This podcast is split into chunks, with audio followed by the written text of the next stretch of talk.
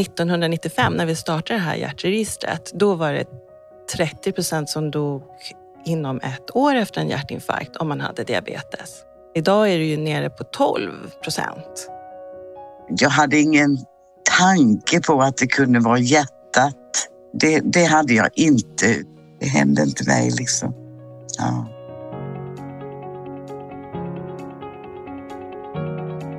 Den som har diabetes har någonstans mellan dubbelt och fyra gånger så stor risk att få en hjärtinfarkt eller stroke. Hur stor den här överrisken är beror på vilken sorts diabetes du har, hur länge du har haft den, hur kroppen mår i övrigt och om du är man eller kvinna. Idag ska vi prata om något som kan kännas skrämmande och otroligt jobbigt. Att hjärta och kärl slits av diabetes. Både vid typ 1 och typ 2-diabetes. Precis i början av avsnittet hörde du skådespelaren Siv Karlsson. Hon är en av alla med diabetes som drabbats av hjärtinfarkt. Vi ska återkomma till henne. Men eh, först ska vi titta på vetenskapsfronten. För här finns all anledning att sluta deppa. Varför applåderar forskarna åt de nya studieresultaten? Och varför säger hjärtforskaren Anna Norhammar att diagnosen typ 2-diabetes är en möjlighet till bättre hälsa? Det ska hon svara på idag. Vi kommer också att bjuda på tips på hur du kan minska din risk för hjärt-kärlsjukdom, ja, till och med radera den. Varmt välkommen till Diabeteslabbet. Jag heter Maja Lundbäck och med mig idag har jag hjärtforskaren Anna Norhammar. Hej och välkommen Anna Norhammar. Du är professor i kardiologi och har studerat sambandet mellan typ 2-diabetes och hjärt-kärlsjukdom i många år. Och du ingår i en forskargrupp i Karolinska institutet som jagar svar på vad som kan lindra och förhindra hjärt-kärlsjukdom. Du är också specialistläkare. Ja, det stämmer. Tack för att jag får komma. Jag brukar säga att det här är mitt favoritämne eftersom jag har hållit på med det så himla länge, forskningen mellan diabetes och hjärt-kärlsjukdom. Eh, ja, nej, men det stämmer. Jag är specialistläkare också. Jag är utbildad kardiolog och invärtesmedicinare, men också fysiolog, så att jag är expert på att göra hjärtundersökningar, ultraljud på hjärtat och så. Mm. Och jag har hört att den som har diabetes ska se sig själv som hjärtpatient. Håller du med om det?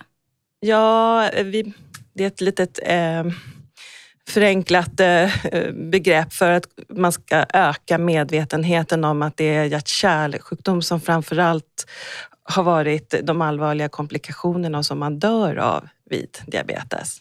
Så då har man eh, sagt så att diabetes är egentligen en kärlsjukdom. Så. Mm. Och du träffar ju bland annat diabetespatienter i ditt jobb. Vad säger du till den som är orolig eh, om det här med riskfaktorer för sjukdomar i hjärta och kärl? Men det har man nog rätt att vara, eh, för diabetes ökar ju risken för att man ska få kärlkomplikationer uppåt två, fyra gånger beroende på när i livet man får sin diabetes, vilken diabetes man har. Eh, men, risken, men man kan säga så här, risken är ju inte alls som den har varit förut. Vi har så otroligt god prevention idag, både före en hjärtinfarkt och efter. Och egentligen så kan man ju se det som att får man diabetes, då får man också gå på regelbundna kontroller. Så fungerar vården, minst årliga kontroller av alla sina riskfaktorer. Och är de välbehandlade, om man lyckas nå bra mål, värden på sina riskfaktorer, då kan man nästan eliminera, alltså ta bort hela den här överrisken för hjärtinfarkt.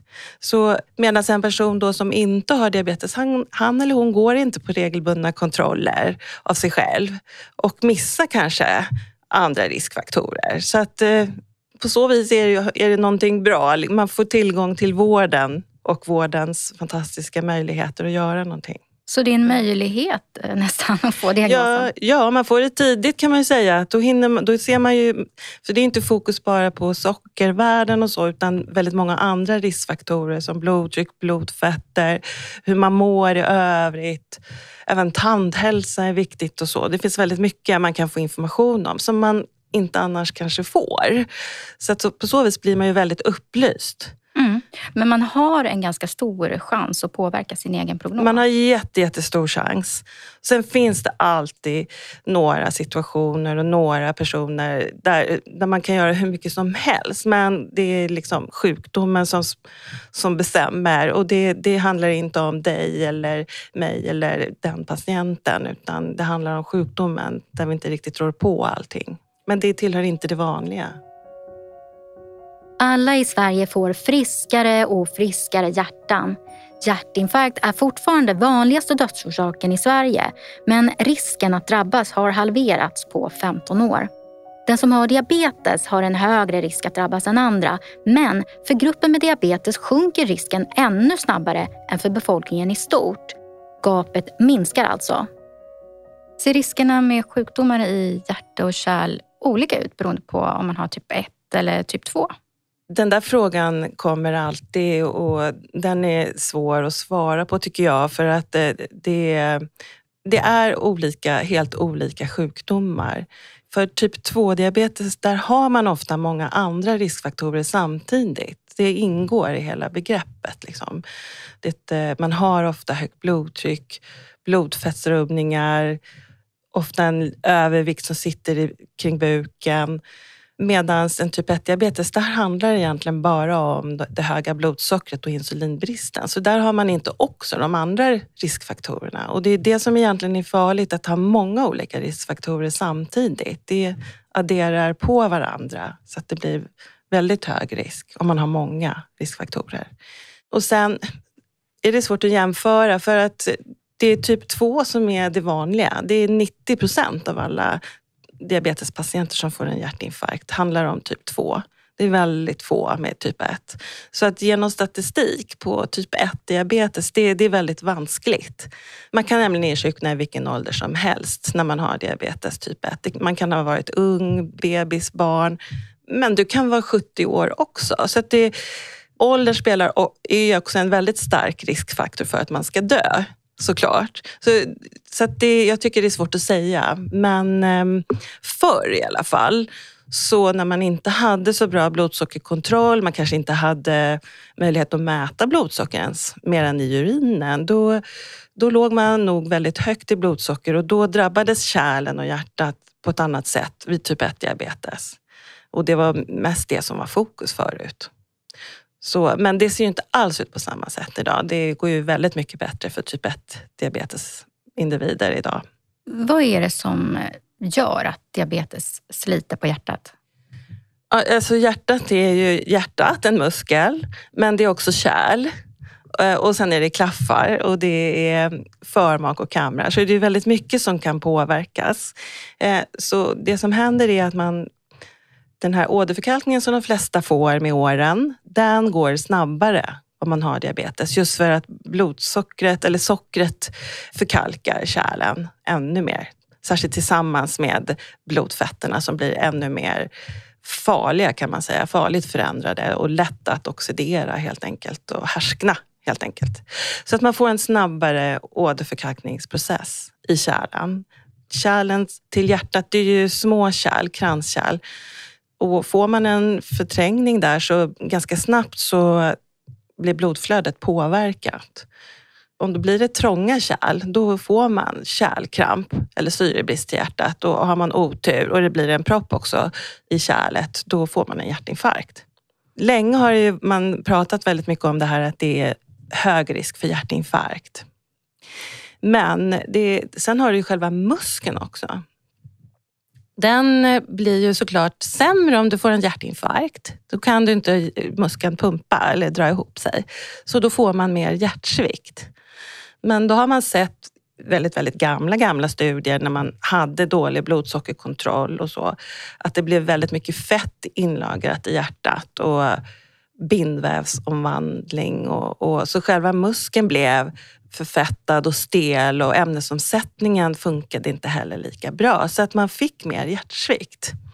Och det ser vi idag också, att det hjärtsviktsproblem finns kvar. Eller framförallt är det så här, man överlever hjärtinfarkt idag mycket bättre. Man opereras kanske för kranskärlsförändringar med bypassoperation eller ballongöppning. Och då hinner man leva mycket längre och då hinner man utveckla hjärtsvikt.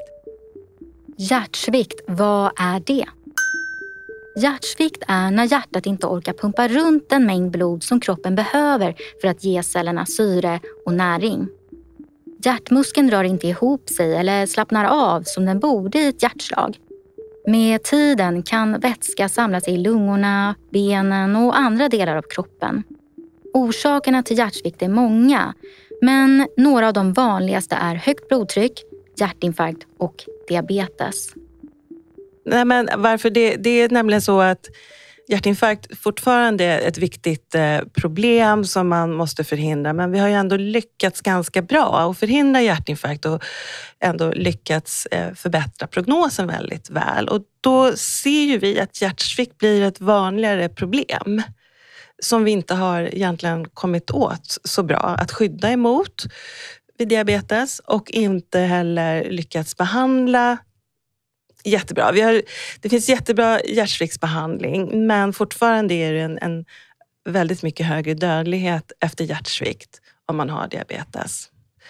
Och det kan ofta också hänga ihop med njursvikt. För fungerar hjärtat sämre så blir cirkulationen till njurarna sämre och då kan njurfunktionen också försämras. Så man kan hamna i en ond spiral. Det kan också vara tvärtom. Att njurens funktion börjar försämras och så har man svårt att göra sig av med vätska och så påverkar det hjärtat och så får man hjärtsvikt. Så det hänger ihop. Det kallas för kardiorenalt syndrom.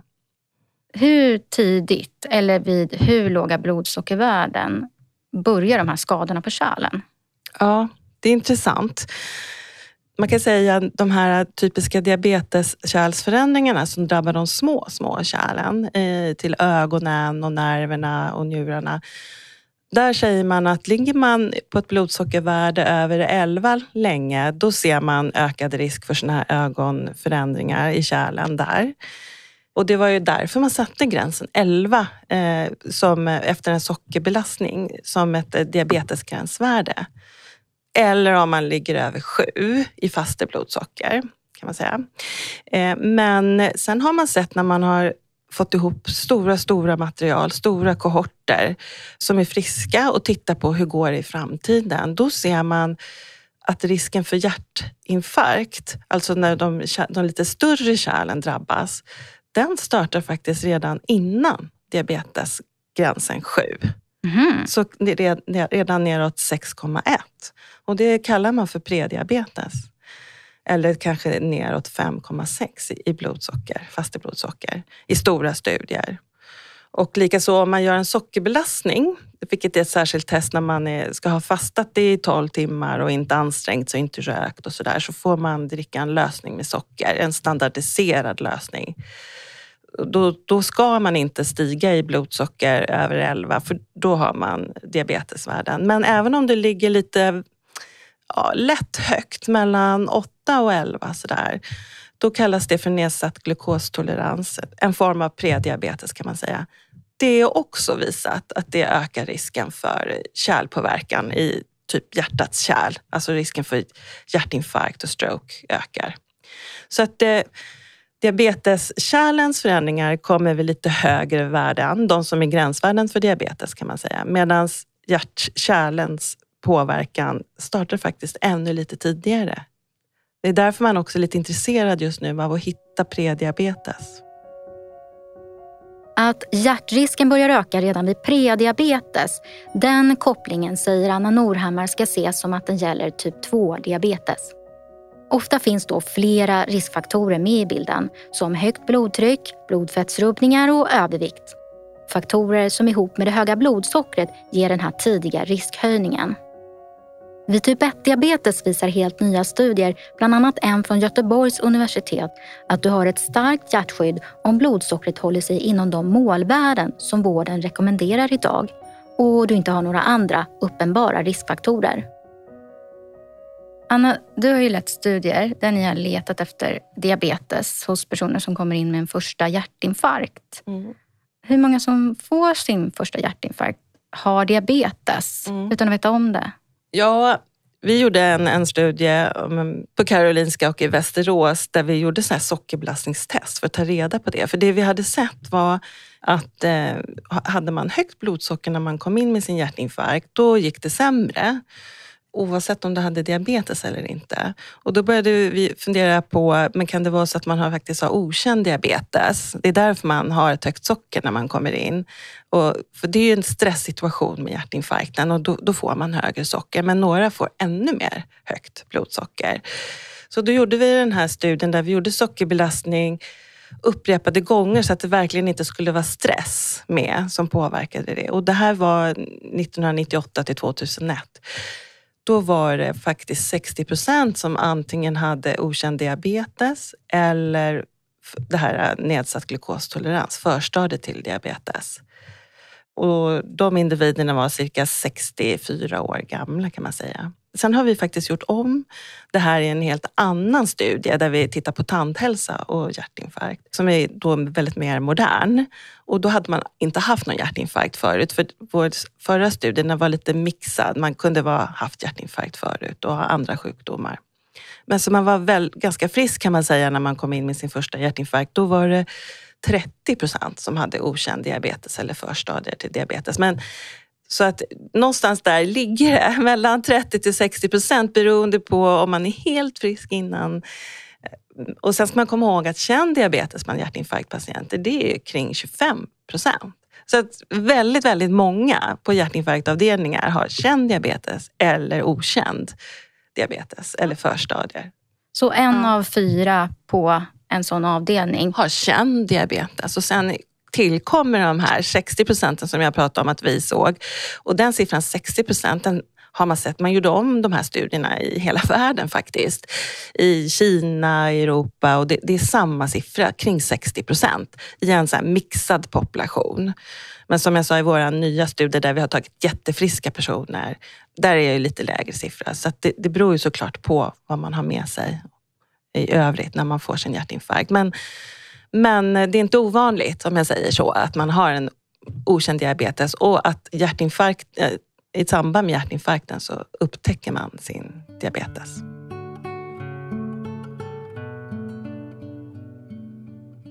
Jag heter Siv Karlsson. Jag är revyskådespelerska och eh, artist. Och jag har typ 2 diabetes och har också haft en hjärtinfarkt. Siv Karlsson är folkkär skådespelare och har ofta synts som karaktären Augustina ihop med buskisduon Stefan och Christer. Siv befann sig den här dagen på Lisebergsteatern för att repetera en kommande fars. Promenaden dit var tung och andfådd och väl på scenen kände hon att något inte stod rätt till. Jag kände en oerhörd trötthet så jag var så trött, så trött och, och gick väldigt, väldigt sakta.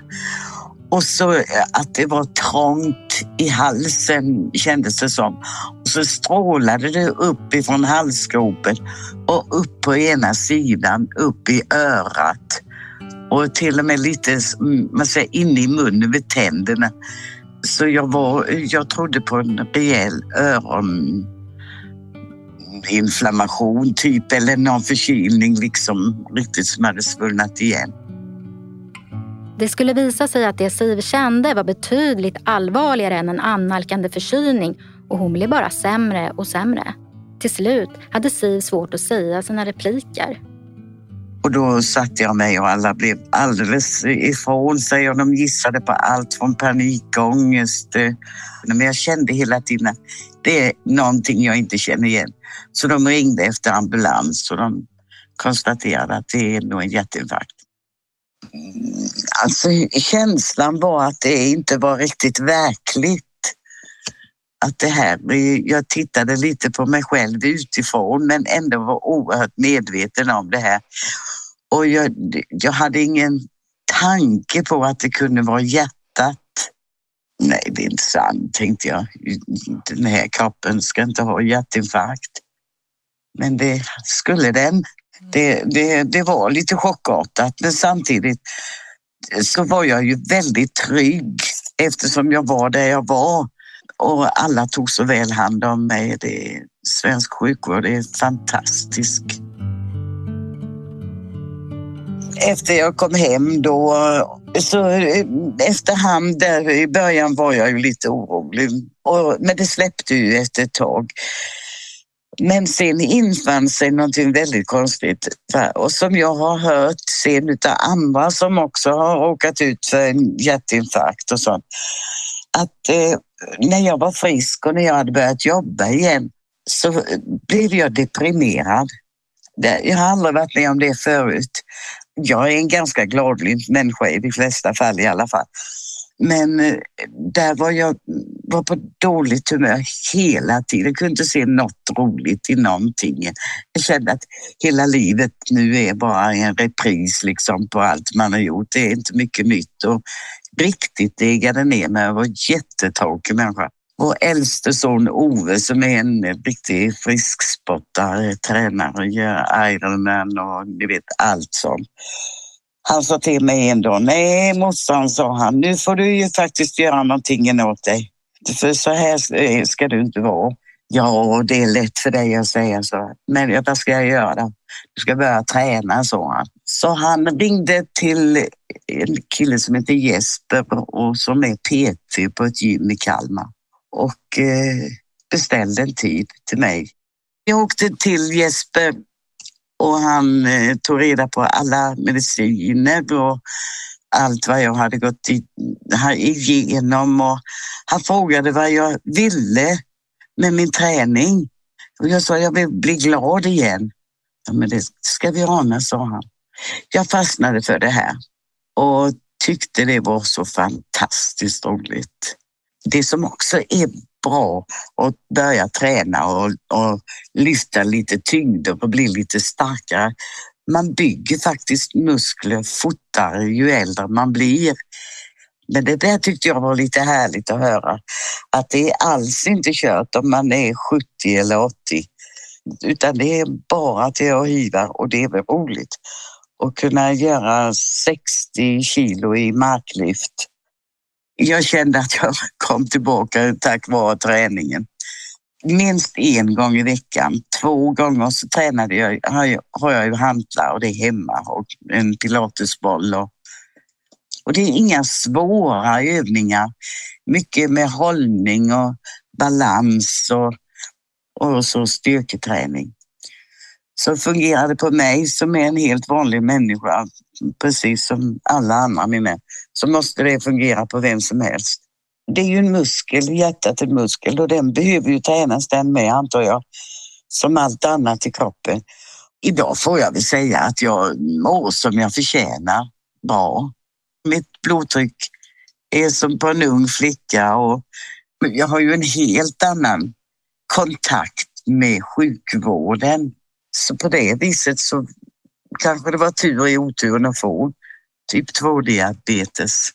Jag håller mer koll på, på mig själv och på hur jag känner men det går ju inte heller att börja då så fort man vaknar och känna ett eh, hur, hur mår jag? Det gör jag inte. För jag räknar med att nu sköter jag mig och jag tar mina mediciner och är rörlig så gott det går. Och så, då fordrar jag att kroppen håller sig i schack som den ska och låter mig leva ett långt och härligt liv. Anna, många är rädda och vågar inte börja motionera efter en hjärtinfarkt. Behöver man vara rädd? Det finns eh, jättemånga fina träningsstudier efter hjärtinfarkt som visar att det medför jättestor nytta. Så det är någonting som vi, som jag pratade om i början, i vårt register noterar om patienterna får ta del av. Och det ingår liksom i vårt kvalitetsmått, att man ska få ta del i hjärtgymnastik. Så den träningen är jätteviktig. Och eh, då behöver man inte vara rädd om man gör det under eh, översikt av de som är utbildade på detta. Och det finns särskilda fysioterapeuter som kan just hjärta och hjärtträning. Så man börjar lite successivt. Och sen beror det på om man har haft en hjärtinfarkt och om man har mycket hjärtsvikt efteråt. Man får en individanpassat träningsråd kan man säga. Men mm, det är absolut eh, jätte jättebra och ett fantastiskt sätt att komma tillbaka. Och som hon sa i det här inslaget att hon blev gladare, det påverkar ju ofta hela välbefinnandet att kunna få röra på sig. Eh, man känner att man får kontroll över sin kropp igen och så. Så det, det är otroligt viktigt. Är det svårare att upptäcka symptom på hjärtinfarkt om man har diabetes? Ja, det här är en jätteintressant fråga. För dels är Siw kvinna och sen har hon diabetes. Och rent generellt vid diabetes så har man länge känt till att man kan ha en annan smärtupplevelse. Så att man kanske inte har eh, stor bröstsmärta utan upplever mer andra vanliga symptom vid hjärtinfarkt och andra vanliga symptom än bröstsmärta. Det är att man mår illa, att man blir trött, eh, orkeslös eller får hjärtklappning och svettas. Så att man kanske inte har den här signalen bröstsmärta. Det ser man lite oftare om man har diabetes. Så då kallar man det här för att man har en tyst hjärtinfarkt. Så, för att man kanske stannar hemma då och inte söker hjälp. Och det är också så att har man diabetes så kanske det är svårt att förstå, är det här lågt blodsocker? Eller är det hjärtat som spökar? Och då så tycker jag att eh, det är väl bra att ta ett blodsocker i ett sånt läge. Och är det inte lågt och inte du har någon förklaring till att du är skakig och svettig och, och trött, då, då kanske man ändå ska fundera på, känner jag något kring hjärttrakten? Är det tryck över bröstet eller känns det obehagligt? Eller, eller söka hellre en gång för mycket än en gång för lite. Och vilka är symptomen på hjärtsvikt? Ja, hjärtsvikt det det, dels så kan man bli så allmänt svullen i kroppen, men det brukar vara så att man tappar ork när man anstränger sig. Lite svullna ben kan man få, andfåddhet, svullen mage, eh, jobbigt att böja sig fram och att man samlar på sig vätska. Men man brukar säga att man tappar ork när man anstränger sig, är ett vanligt symptom. Mm. Anna, det har ju kommit ett gäng nya läkemedel mm. som både sänker blodsockret och skydda hjärtat. Mm. Och när resultaten har presenterats på stora diabeteskonferenser de senaste åren, då har publiken applåderat. Hur bra är de här nya läkemedlen? Faktiskt, det är sant. Publiken har applåderat och jublat när man har presenterat resultaten, för de har varit oväntade. För det var hjärtsäkert, men inte nog med det. Det minskade dödligheten det minskade risken för hjärtinfarkt, kardiovaskulär död och stroke. Och effekten kom väldigt fort. Och tittade man noga då, för att man började fundera på varför kom effekten så fort? Den kom inom tre månader. Så, ehm, så tittade man efter lite noga och då såg man att det var framförallt hjärtsvikt som minskade i risk. Och det var ju helt oväntade resultat. Det var därför man jublade att det här nya preparatet hade den här fantastiska effekten. Och man hade egentligen inte alls trott det, för det, det är ett preparat som gör, det heter SGLT2-hämmare eller flosiner. Det gör att man kissar ut sitt socker. Många andra läkemedel gör bara att man möblerar om sockret från blodet till andra delar av kroppen. Här bara blir det av med sockret Eh, med det följer vatten och andra salter och, och blodtrycket i njuren verkar bli bättre. Och kanske är det därför det blir en så stor effekt på hjärtsvikt som minskar. Så du, du, du dör mindre och du får mindre hjärtsvikt och eh, sannolikt också även mindre risk för hjärtinfarkt och stroke lite grann. Men framförallt hjärtsvikt och eh, död minskar. Så det är helt fantastiskt. Och det man har gjort är att man eh, till och med har testat det här då på personer utan diabetes och det har lika bra effekt där. Du behöver inte ha diabetes. Så det har nu blivit ett förstahandsvalspreparat vid hjärtsvikt oavsett om du har diabetes eller inte. Sen finns det ju en till klass, måste jag faktiskt säga. För året efter, 2016, så kom en till sån här säkerhetsstudie med en helt annan typ av läkemedel som heter GLP-1 receptoranalog. Och det kan, man kan säga att det är ett, ett, eh, ett hormon som liknar eh, ett, ett tarmhormon som vi har. Och det gör att eh, insulinsekretionen blir bättre, du blir, får mättnadskänsla, du går ner i vikt och det har effekter på egentligen hela kroppen, även hjärnan. Och det testas nu också i Parkinson-studier.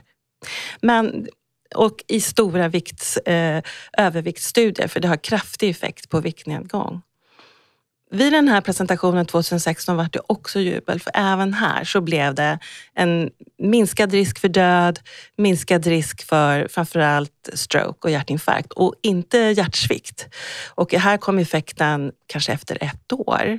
Så det är två helt olika klasser som har två helt olika mekanismer och de går säkert att kombinera bra.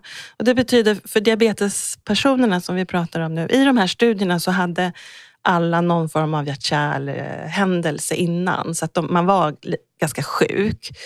Men det betyder i alla fall att vi har massor av nytt att erbjuda till alla som har hjärt-kärlsjukdom. Och till och med så att man kanske ska ge de här nya preparaten om du har hög risk för hjärt-kärlsjukdom.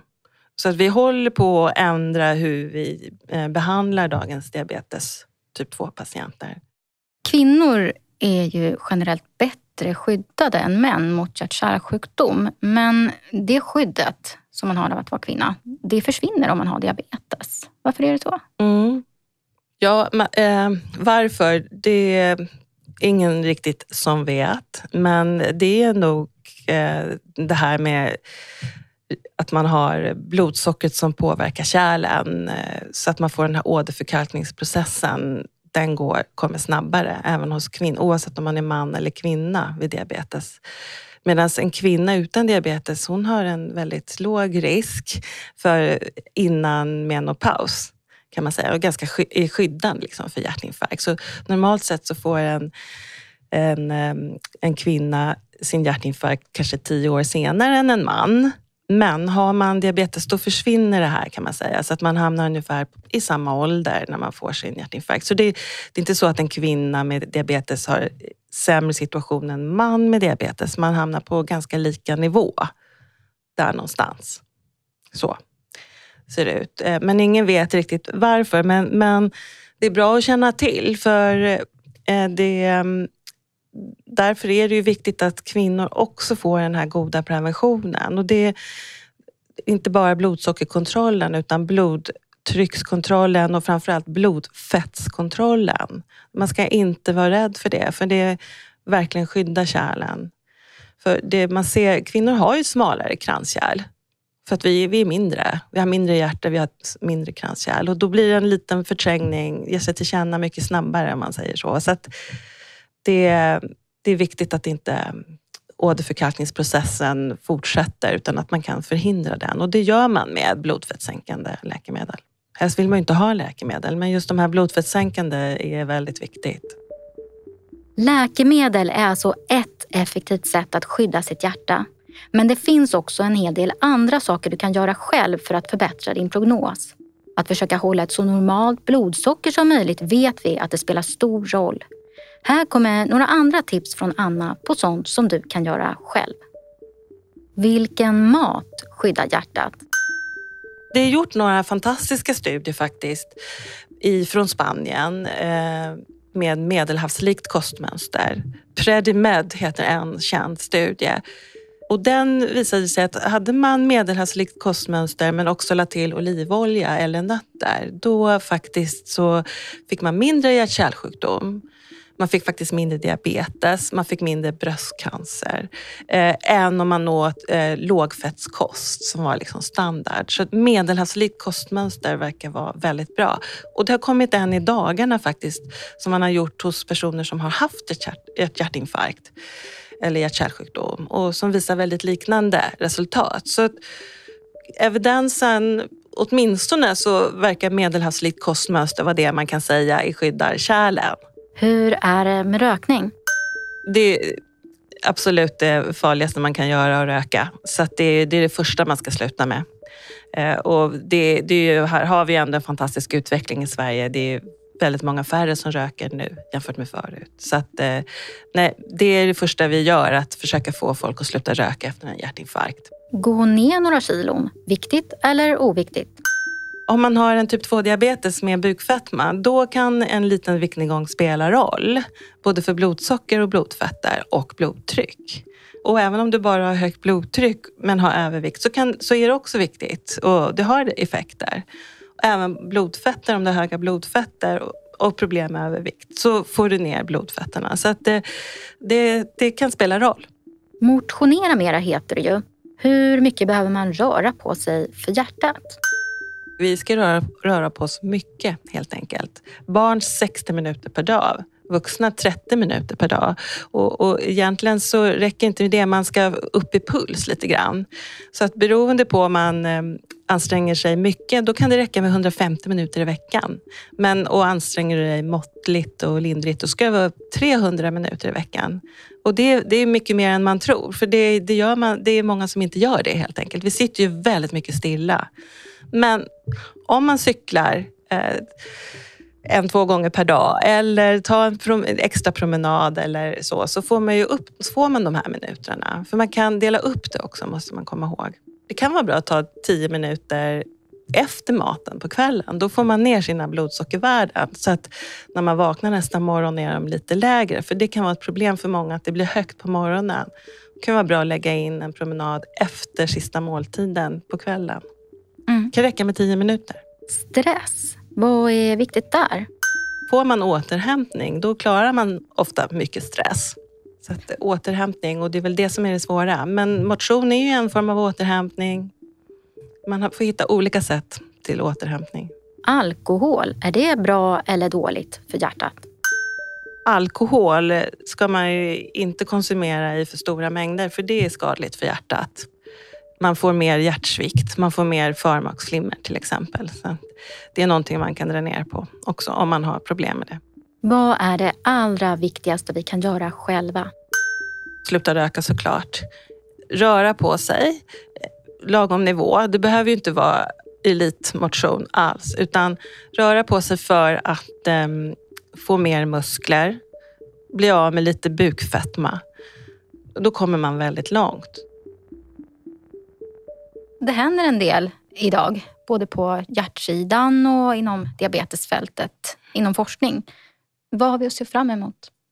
Inom hjärt-kärlsjukvården, där är det en fantastisk teknisk utveckling som har pågått och som pågår just nu, där vi har möjligheter att göra komplexa ingrepp hos svårt sjuka personer upp i hög ålder. Och det behöver inte alltid innebära stora hjärtoperationer. Man kan till exempel byta en klaff via ett ljumskingrepp och gå upp och byta klaffen. Och det här kommer bli allt mer vanligt. Just nu har man gjort det på väldigt svårt sjuka, men det kommer kanske till och med bli rutin. Så den här te tekniska utvecklingen som pågår, den, den, påverkar ju vården verkligen. Så att eh, mycket kan göras över dagen och väldigt fort, upp i hög ålder. Med de orden, Anna, ska vi tacka för idag. Det finns alltså helt nya möjligheter att skydda sitt hjärta idag. Diabetes kan till och med vara en chans att få full koll på sin hälsa. Med bra behandling och hälsosamma vanor kan riskfaktorer förvandlas till friskfaktorer. Och den extra risken som diabetes innebär för hjärta och kärl kan helt raderas. Tack kära lyssnare för att ni har lyssnat. Jag heter Maja Lundbäck Diabeteslabbet är en podd från Svenska Diabetesförbundet som produceras av Splay One med stöd av Diabetesfonden. Vår producent heter Johanna Powers Darlington och redaktör är Ulrika Lundberg. Hon intervjuade också Siv Karlsson. Ni kan nå oss på mejlen diabeteslabbet diabetes.se. Och glöm inte att följa oss så att ni inte missar just ert Vill veta mer-ämne. Tack och hej!